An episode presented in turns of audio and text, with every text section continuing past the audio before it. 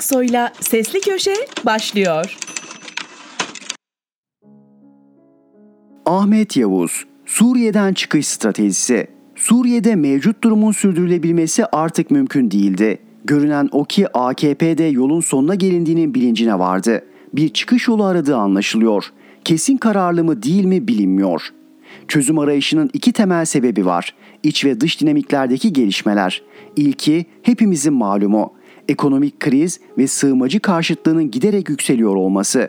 Azımsanmayacak bir kesimde ulusal kimliğin tehlikede olduğu demografik yapının adeta ithal insanlarla dönüştürülmeye çalışıldığı kanaatinin genel kabul görmesi. Halkta oluşan duyarlılığı siyasi bir programa dönüştüren Zafer Partisi'nin anketlerde kendine yer edinmesi tesadüf değil. Bu gelişmeler herkesi yeniden konumlanmaya sevk etti. Cumhur İttifakı'ndaki arayışın bir yanında bu olgu var. İkincisi dış politika alanındaki gelişmelerden kaynaklı. Küresel güç ilişkileri farklılaşıyor. Bu nedenle Erdoğan-Putin ortaklığının boyutları bölgesel olmanın ötesine geçmiş vaziyette. Özellikle Rusya-Ukrayna savaşı Türkiye'ye özel bir rol sağladı. İktidar da bu rolle uyumlu adımlar attı ve Türkiye Rusya için daha önemli bir konum elde etti. Tersi de geçerli zira ABD'nin Türkiye'ye yaklaşımı sorunlu olmaya devam ediyor. Bu durum Akdeniz'e, Ege'ye, Karadeniz'e yansıyor. Ancak kendini en çok Suriye'de hissettiriyor. Zira PYD'ye desteğini hiç eksiltmedi. Türkiye-Rusya ortaklığı o kadar değerli ve önemli hale geldi ki bir anlamda Esad karşıtlığı önemsizleşti, tarihi düzeye geriledi. Zaten Esad'ı devirmeye yönelik mevcut politika alenen PYD'yi besleyen bir ortam sağlıyor. ABD de bu çatlaktan yararlanıyor. Geç bir bilince varma. Sanki Soçi'de kararı verilmiş bir durumla karşı karşıyayız. Eğer öyleyse önümüzdeki günlerde Suriye devletiyle kurulacak ilişkinin niteliğinden sonuç çıkabilir. Esad'la görüşme ya da diplomatik ilişki seviyesini yükseltme kararları gösterge özelliği taşır. Bu adımların arka planında seçime yönelik bir algı yaratma çabası da dikkatten uzak tutulamaz. AKP'nin seçim kaygısı her türlü değerin üstündedir. Türk vatandaşı yapılan Suriyeli ve Orta Doğulu sayısı ürkütücü düzeye ulaştı ve artmaya devam edecektir. Öte yandan bugün ilk adımlar atılsa iyimser bir olasılıkla bu sorunun çözümü asgari birkaç yıllık bir çabayı gerektirir. Dolayısıyla hiçbir adımdan tam emin olmak mümkün değildir. Hangi dinamiğin yeni tercihte başat olduğunu kestirmekse zor. Eğer bir çözüm olacaksa bugünden şu soruya yanıt aramamız lazım. Çıkışın yol haritası ne olabilir? Bunun ilk adımı Suriye devletiyle barışmaktır. Yol haritasının maksadı Suriye'nin toprak bütünlüğünü, siyasi birliğini ve devletinin egemenliğini tesis etmek olmalıdır. Bunun için öncelikle sağlam bir siyasi iradenin ortaya çıkması şarttır. Gerçekçi bir son durum tanımlaması kaçınılmazdır. Nasıl bir Suriye olabilir? Muhtemelen merkeze sıkı bir şekilde bağlı ancak mevcut zihinsel ve coğrafi parçalanmışlığı dikkate alan bir yapılanma ve bunun yeni anayasaya yansıması. İlkesel olarak ülkenin iç işlerine karışmaktan uzak durmakla birlikte zorunlu müdahil olmanın çatışmacı yapısının doğru kurgulanması. Kime, kiminle hangi yaptırımların uygulanacağının belirlenmesi. Sığınmacıların ülkelerine dönmeleri için güvencelerin sağlanması. Zamanlamaya ilişkin takvim ortaya konması. Yabancı askerlerin çekilmelerinin koşullandırılması. Suriye'yi istikrara kavuşturacak hukuki veçenin netleştirilmesi zorluklara ilişkin senaryolar ve bunlara yönelik çözüm vasıtalarının belirlenmesi gerekir. Görünen en büyük zorluk ABD varlığından kaynaklıdır. Onun bölgeyi terki yalnızlaştırılmasıyla mümkündür. Türkiye'nin politika değişikliği bölgedeki güç dengesini farklılaştırır. Denklem değişir. PYD içinde farklı arayış kendini dayatır. İkinci zorluksa İdlib'teki durumdan kaynaklıdır bölgeye yönelik BM yardımlarının kesilmesi ya da Suriye üzerinden yapılması önemli bir araçtır. Sağlam bir irade bu bölgedeki terörist yapılanmayı dağıtacak en büyük güçtür. Çıkış stratejisi üzerinde çok çalışmayı gerektirecek bir konudur. Ahmet Yavuz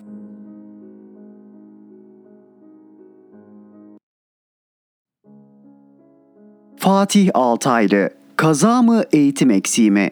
Hafta sonu iki trafik kazası yaşadık. Medyamız katliam gibi kaza başlığı attı her iki kaza içinde. Bana göre yanlış başlıktı. Kaza gibi katliam demek daha doğru olurdu. Çünkü bu olanların tamamını kaza olarak nitelendirmek hatalı bir tutum olur. Aynı gün içinde birbirine basma kalıp benzeyen iki olay oluyorsa buna kaza demek pek doğru olmaz. Kaza adı altındaki katliamların nasıl olduğunu gelin hatırlayalım. Önce bir araç kaza yapıyor. Kazaya müdahale ediliyor. Ardından bir başka araç bu olayda bir ağır vasıta gelip kazaya müdahale edenlere çarpıyor. Gaziantep'te bir otobüs, Mardin'de bir tır. İkisinde toplam 36 vatandaşımızı kaybediyoruz. Onlarca da yaralı. Peki sizce bu kazalarda bir gariplik yok mu? Hani bir olay olsa diyeceğim ki otobüs şoförü uyuyordu, dalgındı, tüm güvenlik önlemlerine rağmen gelip çarptı.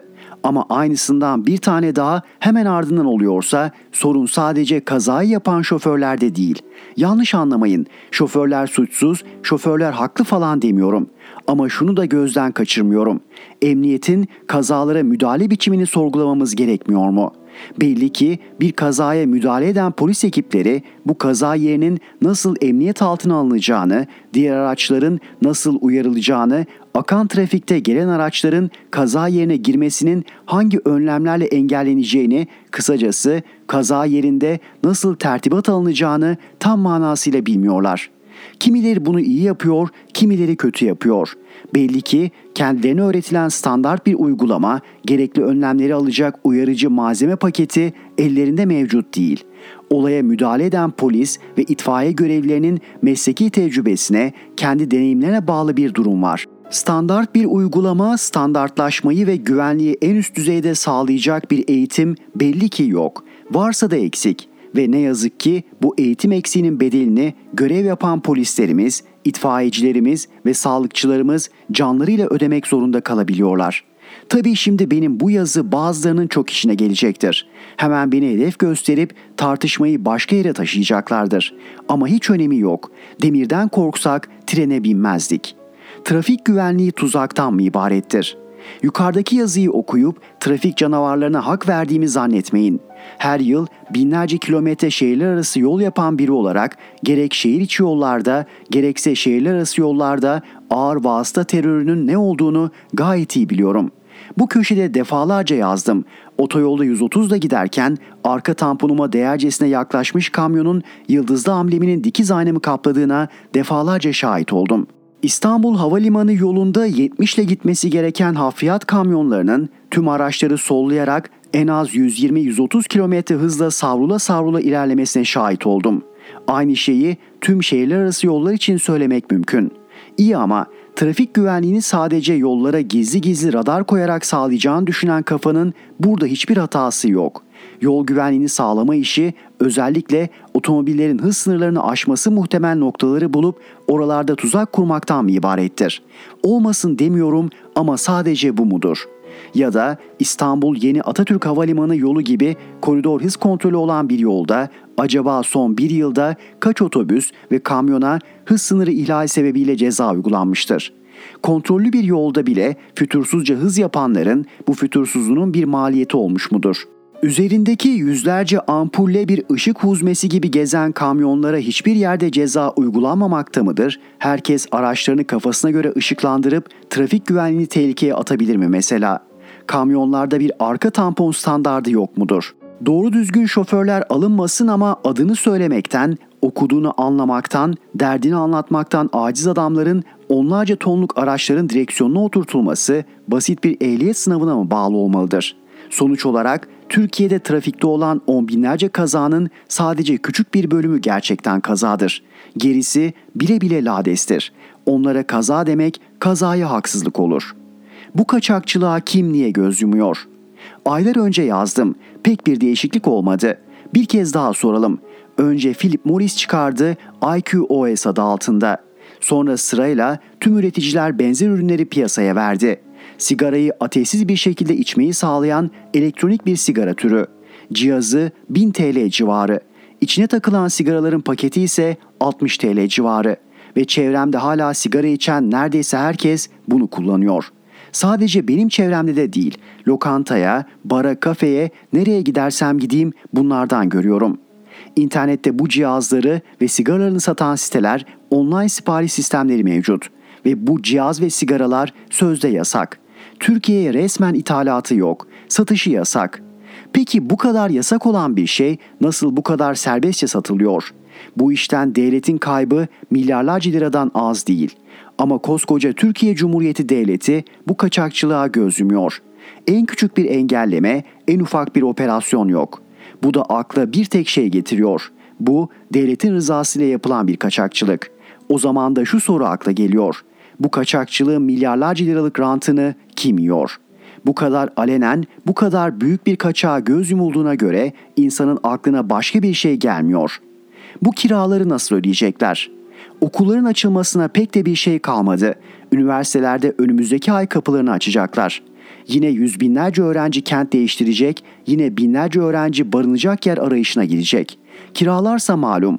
Bugünlerde nerede kiralık kiranı görsem telefon açıyor, fiyat soruyorum. Duyduğum miktarlar inanılmaz. Daha vahimi pek çoğu bir yıllık en az 6 aylık kirayı peşin istiyor. Ve çocuklar bu ortamda okumak için evlerini bırakıp geldikleri kentlerde bu kiralarla ev arayacaklar. Ne zaman insan oluruz? Utanmak siyasetçi özelliği haline geldiği zaman. Fatih Altaylı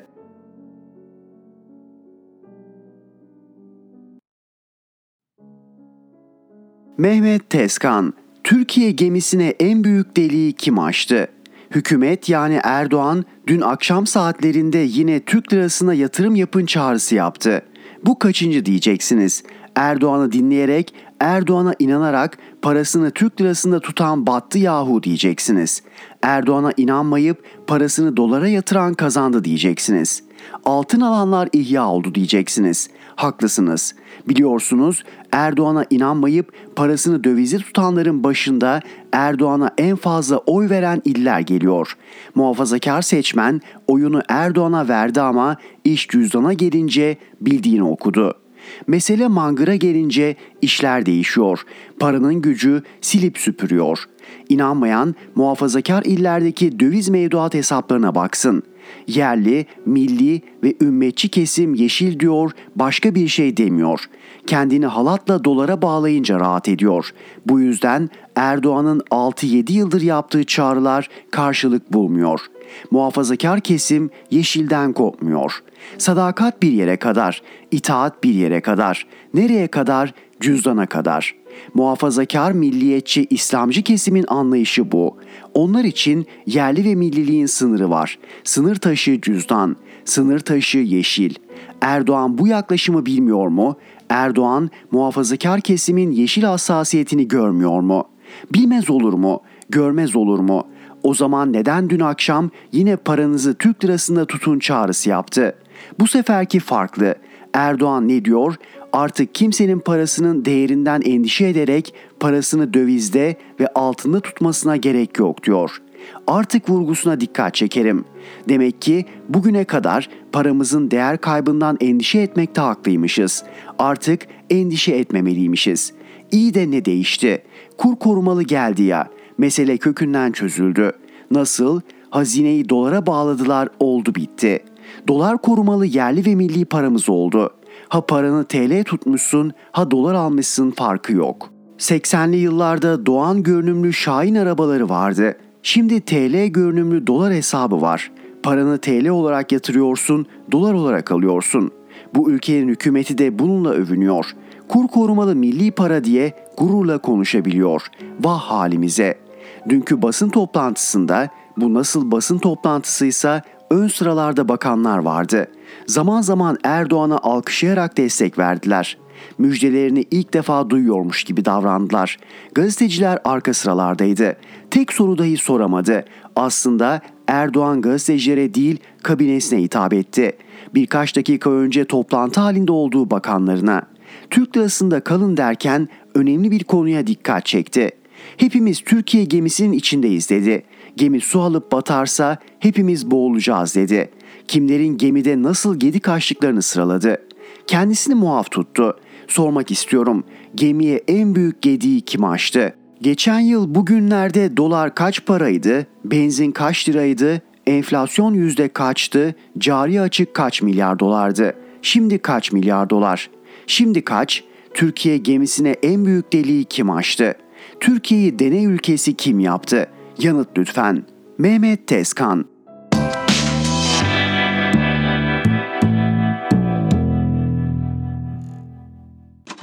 Erhan Gökayaksoy'la Sesli Köşe devam ediyor. Müjdat Gezen, küçücük ortak. Dünyanın en riskli yönetim tarzı tek adamlıktır. Bir yanlış yapma, hata yapma veya kasten yapma olasılığı her zaman vardır. Oysa demokratik sistemlerde o kişiyi denetleyecek mekanizmalar devreye girer ve sistem kontrol altına alınır. Tarihe bakın. Nerede tek adam varsa orada felaket olmuştur. Bunun aksi hiç yoktur dünya tarihinde. Özellikle danışmanlarla yürütülen bu gibi antidemokratik sistemlerde hata olasılığı çok yüksektir. İlk soru, Cumhurbaşkanı'nın hiç kadın danışmanı var mıdır? Yoksa bir kadına bir konuyu danışmak bizim jargonumuzda ayıp mıdır? Kadın kim oluyor da koskoca Cumhurbaşkanı bir kadına danışıyor? Ama Cumhurbaşkanı erkek danışılması gereken konu tam da kadınla ilgili ise ve hala o konuda bir kadına danışılmıyorsa bunda bir tuhaflık yok mudur?'' Cahil bir cumhurbaşkanı düşünün. Aklı kurnazlıktan, paradan başka bir şeye ermiyor. Gelişmemiş bir ülkede hasbelkader başa gelmiş ve o ülkeyi o yönetiyor. Ne kadar tehlikeli bir durum değil mi bu? Dünyanın hiçbir yerindeki halk buna müstahak değildir. Seçimle bile gelmiş olsa hata yapma olasılığı çok yüksektir tek adamların. Demokrasi açısından, ekonomik açıdan, hukuksal açıdan, sanatsal açıdan, kısacası her açıdan iş zordur.'' Çok şükür biz böyle bir durumla karşı karşıya değiliz. Çünkü bizim tek adamın yanında bir de küçücük bir ortak var. Atatürk diyor ki, 25 Ağustos 1922 sabahı Şuhut'tan muharebeyi idare edeceğimiz çadırlı ordugaha karargahımızı naklettik. 26 Ağustos sabahı Kocatepe'de hazır bulunuyorduk. Sabah saat 3.30'da topçu ateşiyle taarruz başladı. Not Mustafa Kemal'in en ünlü resimlerinden biri olan Kocatepe'de çekilmiş, cigarasından bir duman aldığı yürürkenki fotoğrafıdır ve 26 Ağustos 30 Ağustos zaferinin başlangıç günüdür. Mihran Gürciyan Türkiye'nin ilk ve tek plak fabrikası Yeşilköy'deydi. Bunda bir anormallik yok gibi görünebilir. Ama fabrika havaalanına çok yakın bir yerdeydi ve o zamanın tekniğiyle plak çekimleri bir kalıp üzerine canlı olarak çekilirdi. Tek bir hatada yeniden başa dönülür, yeni bir kalıp koyulur, tekrar yapılırdı. Oradan sık sık uçak geçerdi ve ses yalıtımı çok iyi bilinmediğinden sesler kayda geçer, yeniden başlanırdı işe. Babam orada çok plak yaptı. Her sanatçı planı orada doldurmak zorundaydı. İşin başında genç teknik eleman Mihran Gürcihan vardı. Babam onu çok severdi. Sonradan oradan ayrılıp Grafson plağı kurdu Mihran abi.'' Babam emekli olduktan sonra İstiklal Caddesi'ndeki Büyük Grafson stüdyosuna müdür oldu. Yine Mihran abiyle birlikte çalışmaya başladılar. Tanıdığım en iyi insanlardan biriydi. 6-7 Eylül olaylarında evine ve çocuklarına saldırı tehlikesi oldu. Babam Mihran al çoluğu çocuğu gel benim evde kal dedi. Mihran abi bunu hiç unutmadı. Yıllar sonra çarşı kapıdaki en büyük plak mağazası olan Zühal Plak Evi'ni babama verdi. Ben orada iki yıl plakçılık yaptım bizden hiçbir talebi olmadı. Onu en son aradığımda artık çok yaşlanmıştı. Konuştuk telefonda. Eski günleri yad ettik. Aradan bir süre geçti, haber alamadım ondan. Oğlu Nuran'ı aradım. Babamı kaybettik dedi. Üzüntümü anlatamam. Çünkü ne cenazesine gidebildim ne çelenk gönderebildim. Çok değerliydi benim için. Baba dostumdu, abimdi ve en önemlisi çok iyi adamdı. Toprağı bol olsun. Onu anmak istedim. Sağlık gitti mi? Bunca yıllık göz doktoruyum, hiç böyle göz hastalığı görmedim. Sağ gözünüz soldan sağa bakıyor, sol gözünüz yukarıdan aşağıya. Normaldir doktor bey ben bulmaca meraklısıyım. Hemen gözlerimi göstereceğim doktora. Çünkü üç bulmaca çözmeden evden çıkmam. Acaba bu acayip göz hastalığı bende de var mıdır? Eskiden olsa bu matrak durumu hemen ciddiye alır, giderdim doktora. Yine gerektikçe gidiyoruz tabi. Ayrıca telefonla rahatsız etme huyum da var. Allah'tan doktorlarım benden sıkılmıyorlar. Anladılar durumu. Kötü bir şey sormuyorum. İlaç prospektüslerine çok güvenmediğim için doktora sorup aç karnına mı, tok karnına mı alacaktım acaba gibi normal sorular soruyorum. Molière doktorlar aleyhine oyunlar yazdı diye hastalandığında hiçbir doktor yardımına koşmamıştı. Ben onlarla iyi geçiniyorum. Evdeki telefon firhistimde en kalabalık yer D harfi. Yıllardır kaç doktor tanıdımsa hepsinin adı var orada. Ama bir gün gelecek bir yararı olmayacak. Onu da biliyorum. Tabiatın bize armağan ettiği sağlığımızı korumak görevimiz olmalı. Ben bunu yapıyorum. Biraz abartıyor olabilirim ama hoş görün. Sağlık bir gitti mi bir daha geri gelmiyor. Öyle diyorlar. Fıkra Canım kardeşim Kandemir Konduk anlattı. Size iletmeden geçemeyeceğim.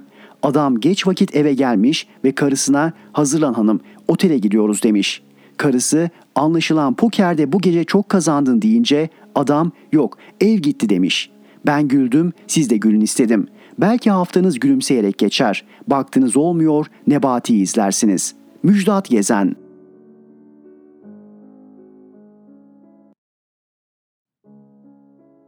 Müyesser Yıldız Türk Silahlı Kuvvetleri'nde kritik istifa. Dünyada ve ülkemizde ana gündem tahıl koridoru Erdoğan'ın girişimleriyle Türkiye'nin bu konuda büyük bir diplomasi zaferine imza attığı anlatılıyor. İçişleri Bakanı Süleyman Soylu dünyanın Erdoğan karşısında mum gibi durduğunu bile söyledi. Yok, konumuz tahıl koridoru meselesi değil. Bununla ve tabii TSK ile ilgili kritik bir istifa iddiası. Ancak öncelikle tahıl koridoru mekanizmasına ilişkin bazı hatırlatmalarda bulunalım. 22 Temmuz'da Türkiye, Rusya, Ukrayna ve BM arasında tahıl ve yiyecek maddelerinin Ukrayna limanlarından emniyetli sevki girişimi belgesi törenle imzalandı.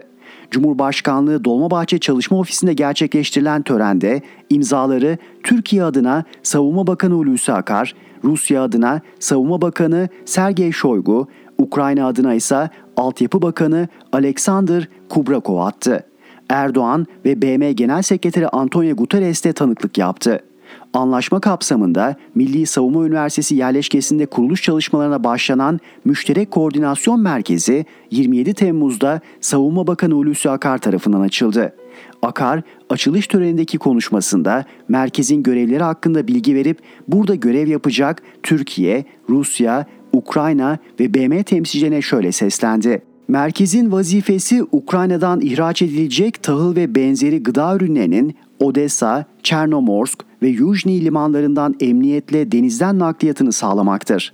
Merkez, asker ve sivil olmak üzere Türkiye ile birlikte Rusya, Ukrayna ve BM'den beşer temsilciden oluşmaktadır. Sahada bu merkezle ilişkili herhangi bir askeri unsur mevcut değildir. Bu merkez girişime dahil olacak ticari gemilerin kaydını ve takibini yapacak uydu, internet ve diğer muhabere vasıtalarıyla ticari gemilerin intikalini teknik olarak takip edecek, tüm faaliyetlerini taraf ülkeler ve BM ile koordineli olarak yürütecektir. Bu merkez ayrıca Karadeniz'deki tüm ticari gemilerin hareketlerini milli altyapımız Türkiye'nin sahip olduğu milli altyapı ve diğer imkanlarla izleyebilecek, diğer kurum ve kuruluşlarla birebir görüşme yapılabilecektir. Bu merkezde çalışan personel, burada bulunan arkadaşlarımız dünyanın gözünün üzerlerinde olduğunun farkında. Temennimiz kolektif ve başarılı çalışmalarla merkezin insani ihtiyaç ve barışa azami katkı sağlaması. Dolayısıyla merkezde görev alan personelin sizlerin sorumlulukları gerçekten büyük. Rusya Federasyonu, Ukrayna, Türkiye ve BM'nin değerli temsilcileri tarihi, insani ve önemli bir misyon üstlenmiş bulunuyorsunuz. Peki bu merkezde görev yapacak en üst düzey Türk kimdi? Bunu 2 Ağustos'ta 27 bin ton mısır taşıyan kuru yük gemisinin Ukrayna'dan yola çıkması vesilesiyle öğrendik. O isim Müşterek Koordinasyon Merkezi Koordinatörü Tu Amiral Özcan Altunbulak'tı. Altunbulak merkezde yaptığı basın açıklamasında görev ve sorumluluklarını anlatıp dünyanın gözünün burada ortaya koyacağımız kolektif çalışmalarda olduğunu, görevimizin sorumluluğunun büyük olduğunu, tarihi ve insani bir misyon üstlenmiş olduğumuzun bilinciyle merkezde görevimize ve uyumlu çalışmaya şimdiye kadar olduğu gibi bundan sonra da devam edeceğiz dedi. Malum önceki gün BM Genel Sekreteri Antonio Guterres İstanbul'daydı. Önce Zeytinburnu'nda bulunan Zeyport Limanı'nı gezdi. Ardından Müşterek Koordinasyon Merkezi'ne gitti ve incelemelerinin ardından Savunma Bakanı Hulusi Akar'la ortak basın toplantısı düzenledi. Söz konusu ziyarete ilişkin dikkat çekmek istediğimiz detaylar şunlar. Guterres'in yanında Erdoğan'ın BM özel temsilcisi Feridun Sinirlioğlu vardı. Ama ilginç bir şekilde iktidar medyası dahil adını zikreden olmadı. Merkezin 27 Temmuz'daki açılış töreninin ve kendisinin 2 Ağustos'taki basın toplantısının aksine BM Genel Sekreterinin ziyareti sırasında koordinatör Tuamiral Özcan Altunbulak'ın ne adı anıldı ne de karşılama, uğurlama ve briefing sırasında görüntüsüne rastlandı. Şimdi Koordinasyon Merkezi Koordinatörü Tuamiral Özcan Altunbulak'ın özelliklerine gelelim. ABD Harp Okulu mezunu olan Altunbulak, TSK'nın süper beyni ve yıldızı olarak biliniyor. O da İzmir casusluk kumpasına maruz kaldı ve yıllarca hapiste yattı. Beraat ettikten sonra göreve döndü. 15 Temmuz darbe teşebbüsünün ardından Belçika'daki Türk askeri temsil heyeti kurmay başkanlığına atandı. 2019 yaşında Tu Amiralliğe terfi etti ve Milli Savunma Bakanlığı Yönetim Hizmetleri Genel Müdür Yardımcılığına getirildi. 2020'de de Bakanlık Savunma ve Güvenlik Genel Müdür Yardımcısı oldu. Özetle 3 yıldır bakanlık karargahındaydı ve özellikle Bakan Akar'ın yurt dışı ilişkilerinde özel kalem müdürü gibi çalışıyordu. Ancak böyle bir isim ne Ağustos başındaki yaşta terfi ettirildi ne de Cuma günü yayınlanan kararnamede yeni bir göreve atandı. Sebep bu mudur yoksa Milli Savunma Bakanlığı ile ilgili olarak uzun süredir dillendirilen asker sivil generaller anlaşmazlığı mıdır bilinmez. Ama iddia o ki Tu Amiral Özcan Altunbulak Cuma günü istifasını verdi ve telefonlarını kapatarak görevden ayrıldı. Altunbulak'ın yerine Müşterek Koordinasyon Merkezi Koordinatörlüğüne Tu Amiral Yavuz Kılıç'ın getirileceğinin konuşulduğunda kaydedelim. Balyoz kumpasında 2 yıl hapiste yatan Kılıç, Cuma günkü kararnameyle Napoli'deki NATO görevinden Deniz Eğitim ve Öğretim Komutan Yardımcılığına atanmıştı. Müyesser Yıldız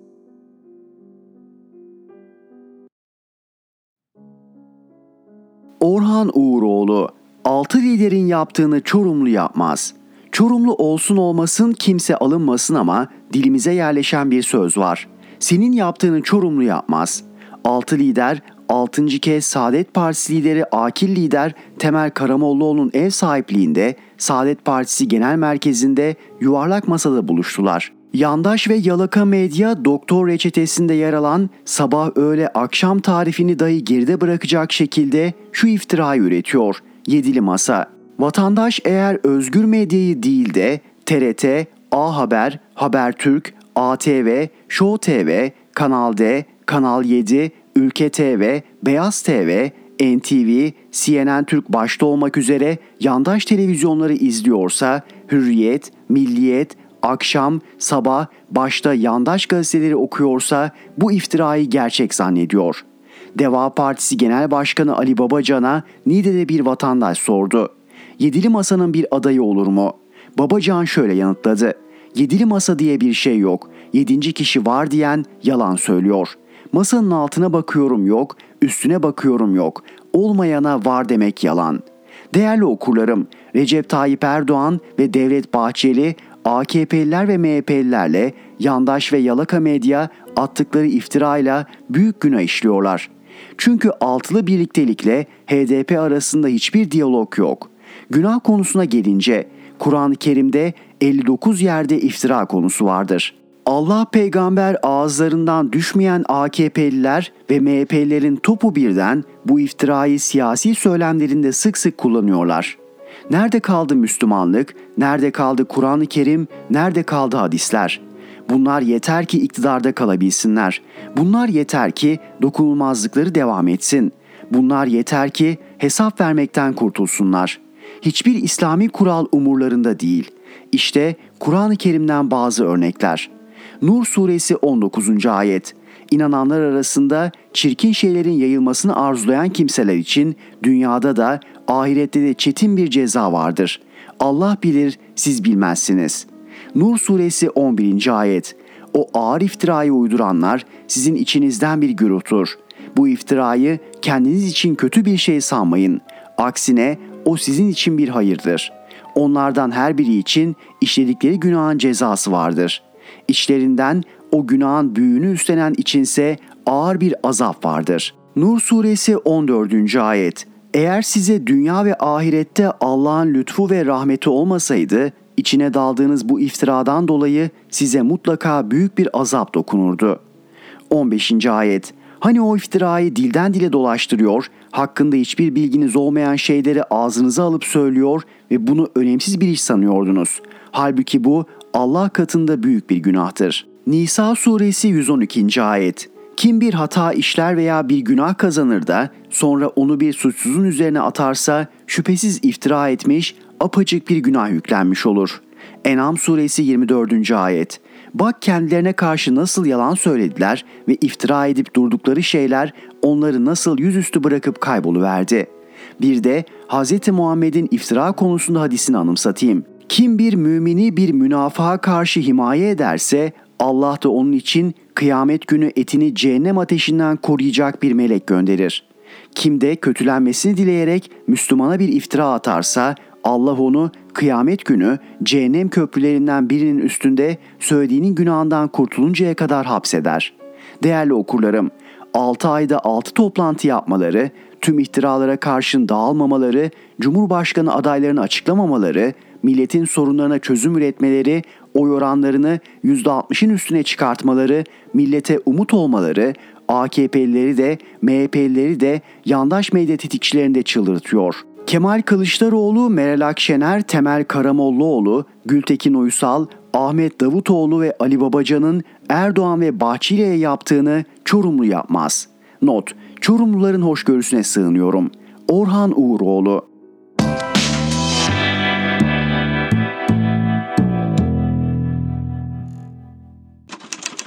Erhan Gökayaksoy'la Sesli Köşe devam ediyor. Özdemir İnce, Gadından Cumhurbaşkanı. Etkiyi artırmak için bir şeyin tersini söyleyerek alay etmeye iyi Türkçe'de tersinleme denir. Fransızcası ironiye ise bizim ağzımızda ironi olmuştur. İroni yapmak ve yapılanı anlamak zeka işidir. İyi Parti Genel Başkanı Akşener Nevşehir gezisi sırasında bir esnafın kadınların hadislere göre imam dolayısıyla devlet başkanı olamayacağını dile getirmesi üzerine ironik bir dille Cumhurbaşkanı aynı zamanda imamlık yapmak durumunda olduğu için ben aday değilim demişti. Havuzlu basının mümtaz temsilcisi Yeni Şafak bu cümlenin üzerine sazan gibi atlamış ve zokayı yutmuş. Akşener fetvayı verdi. Kadından cumhurbaşkanı olmaz. İyi Parti Genel Başkanı Akşener Nevşehir ziyareti sırasında Cumhurbaşkanı adayı olmayacağını yineledi. Kadından imam olmayacağını belirten Akşener, Cumhurbaşkanı aynı zamanda imamlık yapmak durumunda olduğu için ben aday değilim dedi. Akşener'in bu sözleri akıllara 2018 seçimlerindeki Cumhurbaşkanlığı adaylığını getirdi. Sahihlikleri şüpheli fetvaları ciddiye almamız mümkün değil. İslam devletinde devlet ve din tek bir varlık olduğu için devlet reisi aynı zamanda imamdı. Laik cumhuriyetimizde devlet başkanı mesleği imamlık olsa da imam değildir. Ayrıca Akşener bir siyasal partinin genel başkanı olarak başbakan da cumhurbaşkanı da olur. Bu yazı Kadınlar Reis Olamaz Ağam yazımı aklıma getirdi.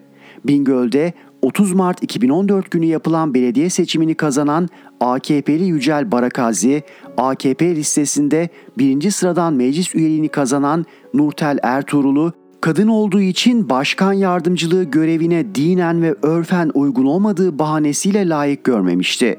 Yazımda dinen uygun olmadığı için kadınlara görev vermeyeceğiz diyen belediye başkanı Yücel Barakazi'ye AKP sözcüsü Hüseyin Çelik'in de sahip çıktığı bilgisi var. Kadından, başkanlıktan ve bu konudaki dini hurafelerden söz ederken aklıma bir başka şey geldi. Türkiye'nin ilk kadın belediye başkanı kim başlıklı yayımlanmamış bir yazı. Bir yanlışlığı düzeltmek için yazmıştım ama bu yazıda da çok önemli bir yeri var. 17 Mart 2022 tarihli Hürriyet gazetesinin ikinci sayfasında Leyla Atakan'ın hayatı film oluyor başlıklı bir haber ilgimi çekmişti. Benim bildiğim ve seçilmesine tanık olduğum Mersin Belediye Başkanı Müfide İlhan ilk belediye başkanıydı. Sordum öğrendim Leyla Atakan Büyükşehir Belediye Başkanı olmuş. Bir başka yerde okudum. Atamayla gelen bir belediye başkanı ilk kadın belediye başkanıymış.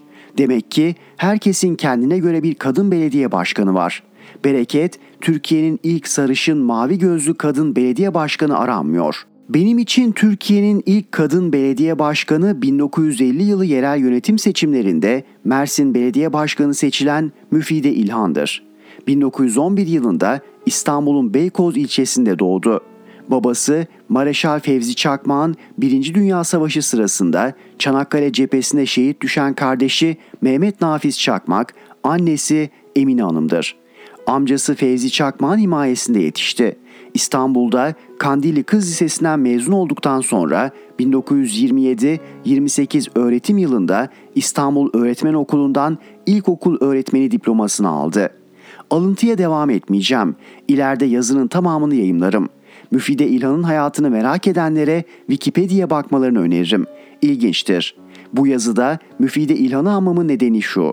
Müfide İlhan 1950 yılında Mersin Belediye Başkanlığı'na aday olmuş ve halkın yeterli oyunu alarak seçilmiş. Ama bundan 72 yıl önce kadın başkan olur mu diye tartışma olmamış. Bu utanç kime ait? Özdemir İnce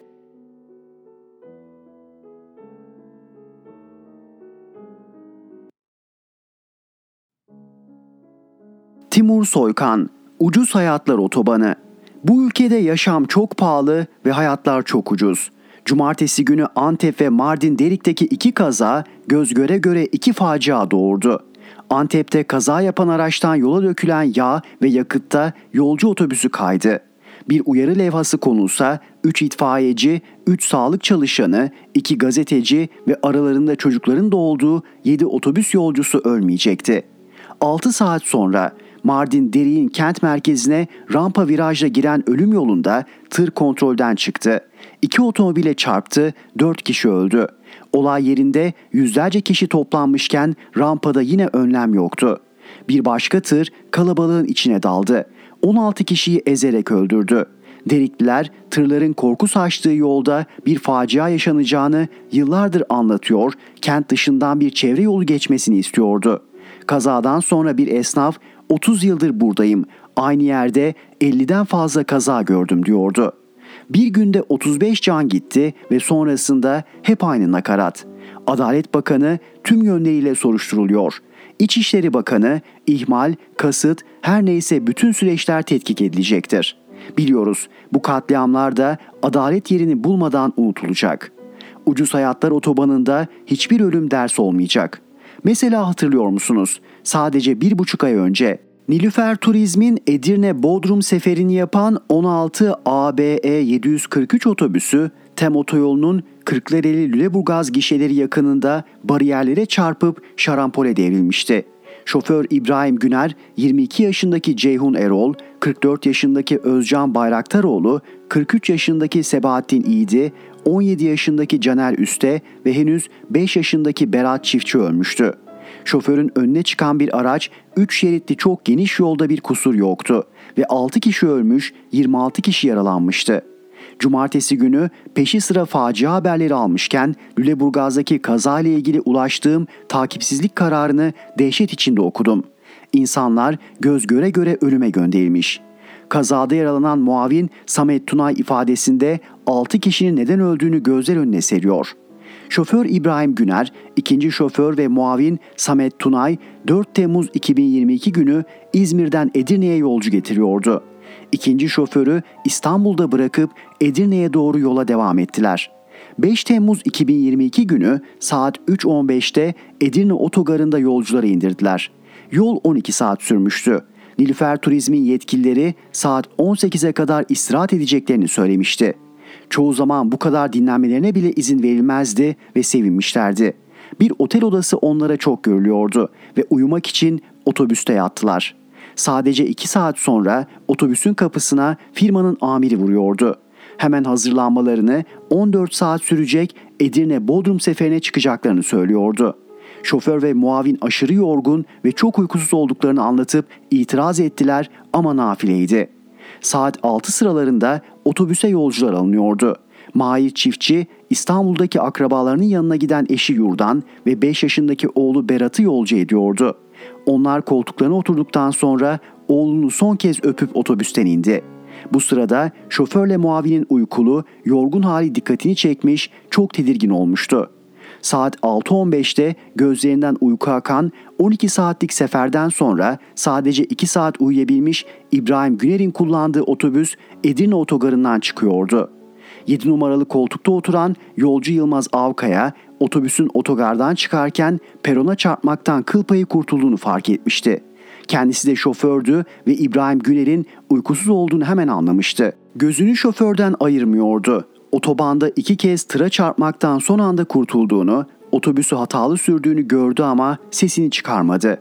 Muavin Samet Tunay yolcuların biletlerini kontrol ettikten sonra boş olan 3 numaralı koltukta uyuyakalmıştı. 26 numaralı koltukta oturan Nedret Erol, Edirne'den çıktıktan sonra ani frenle ilkildi. Şoför bir tırın arkasındayken ani fren yapmıştı. Endişelenerek emniyet kemerini taktı. Şoförü göremiyordu ama otobüsün dengesiz biçimde ilerlediğini fark etmişti. Baba eski yakınlarında şoför tekrar bir tırın arkasında ani fren yaptı. Otobüsün yola çıkmasının üzerinden bir saat geçmiş ve Lüleburgaz gişeleri mevkine gelmişlerdi. Geniş otobanda otobüs sağ şeride doğru kaydı. Bariyerlere çarparak şarampole uçtu. Yaralanan muavin Samet Tunay kazadan sonra ifadesinde şöyle diyordu. Ben uyuyordum. Sarsıntı sonrası gözlerimi açtığımda otobüs havadaydı ve yere çarptık. Firma bizi aşırı derecede çalıştırıyor ve dinlenmemize izin vermiyordu. Kaza bu nedenle oldu. 7 numaralı koltuktaki Yılmaz Avkaya'nın gözü hep şoförün üzerindeydi ve kaza anını şöyle anlattı. Yol boştu, orta şeritte gidiyordu. Önümüze herhangi bir şey çıkmadı. Birden direksiyonu kırdı ve takla attık. Şoförün uyuduğunu düşünüyorum. Mahir çiftçi eşi ve henüz 5 yaşındaki oğlu Berat'ı uğurlamasından bir saat sonra çalan telefonunu korku içinde açtı. Şoförün uykulu hali aklından çıkmamıştı. Oğlunun öldüğünü, eşinin yaralı olduğunu öğrendi. Bu bilgiler 27 Temmuz 2022 tarihli şoför İbrahim Güner hakkındaki soruşturmanın takipsizlik kararında yer alıyor. Evrak şüphelinin vefat etmesi nedeniyle olayla ilgili kamu adına kovuşturmaya yer olmadığına karar verildi cümlesiyle bitiyor. İbrahim Güner elbette uykusuz ve yorgun halde yola çıkmamalıydı. Belli ki işini kaybetme korkusuyla ölüm seferinde direksiyonun başına geçti. Öldüğü için soruşturulmayacak. Peki onu bu yola sürükleyenler cezalarını çekecek mi? Takipsizlik kararında buna dair tek kelime yok. Nilüfer firmasının yetkililerin ifadesi de yer almıyor. Onlara yönelik bir soruşturmada işaret edilmiyor. Acaba iki çocuk 6 kişinin ölümünden sorumlu olanlar hakkında etkili bir soruşturma yürütülecek mi? Takip edeceğiz ama adaletin çok uzak olduğunu yaşadıklarımızdan biliyoruz. Bu kaza yerinin çok yakınında yaşanan Çorlu tren katliamından biliyoruz. 7'si çocuk 25 kişinin ölüme sürüklendiği katliamın üzerinden 4 yıl geçti ve halen bir iddianame bile yok. Davanın avukatı Can Atalay ise haksız hukuksuz şekilde yaklaşık 4 aydır hapiste. Siyasiler acınızı paylaşan nakaratları tekrarlarken ucuz hayatlar otobanında göz göre göre ölmeye devam ediyoruz. Timur Soykan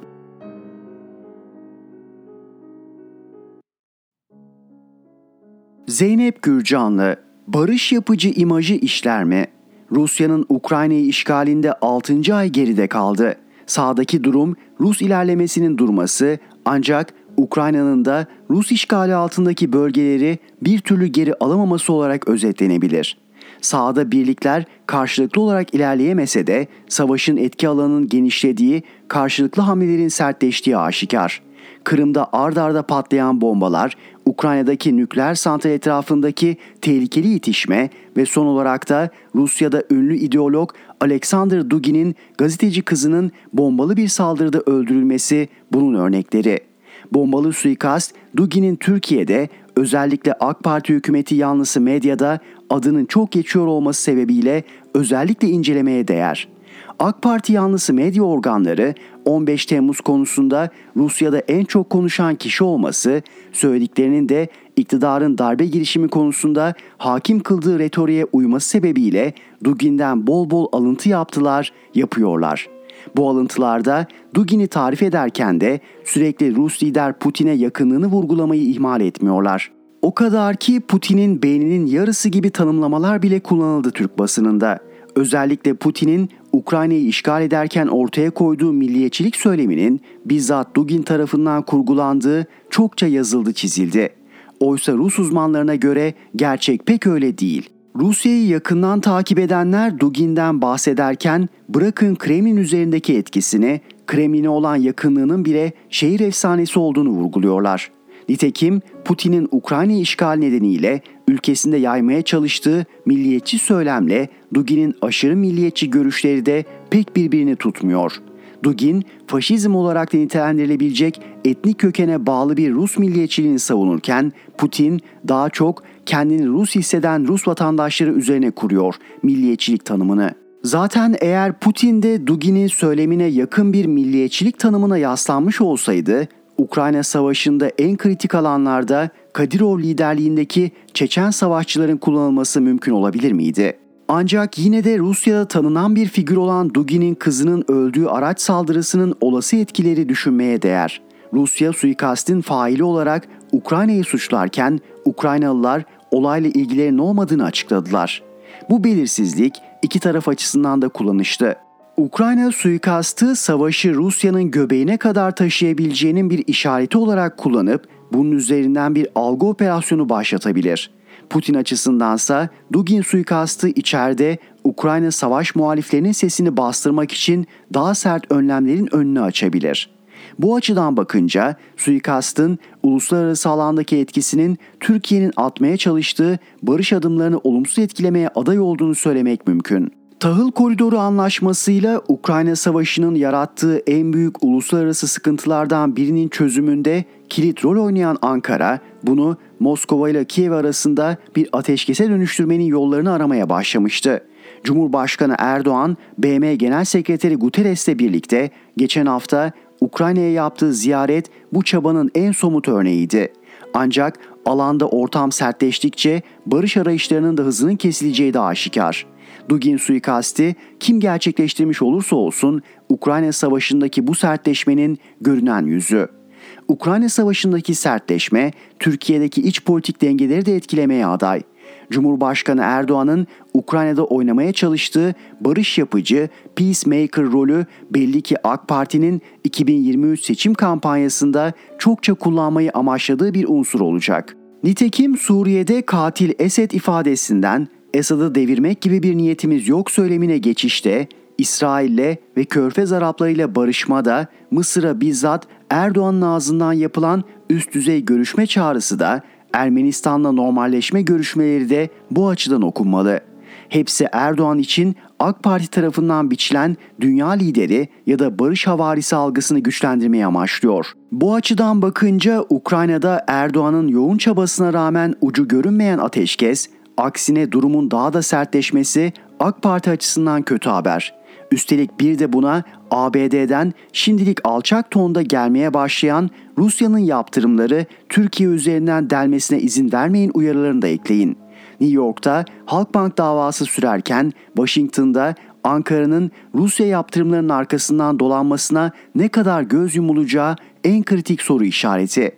Aynı sıkıntıyı AK Parti'nin bölge ülkelerindeki normalleşme adımlarında da görmek mümkün ne Esad'dan ne Mısır'daki Sisi yönetiminden Ankara'dan giden çağrılara hala karşılık gelmiş değil. Ankara ile diplomatik ilişkileri yeniden normalleştiren İsrail'in ise kavgalı dönemde Rum-Yunan ikilisiyle temelini attığı Türkiye karşıtı ittifaktan vazgeçmeye niyeti yok. Yoksa Ankara ile karşılıklı büyükelçi atanacağının açıklandığı hafta İsrail Kıbrıs Rum kesimine demir kubbe füze savunma sistemi satmaya kalkar mıydı? Bizzat Erdoğan tarafından geçmişte kullanılan sert söylem 20 yıllık AK Parti iktidarının özellikle son 10 yılında yapılan büyük dış politika hataları ve gelgitleri AK Parti'nin bu seçim stratejisinin en büyük açıkları. Dolayısıyla barış yapıcı imajı içeride ya da dışarıda etkili olur mu sorusunun yanıtı karamsar. Türkiye'de seçime kadar zaman az, geçmişin günahları ise çok. Zeynep Gürcanlı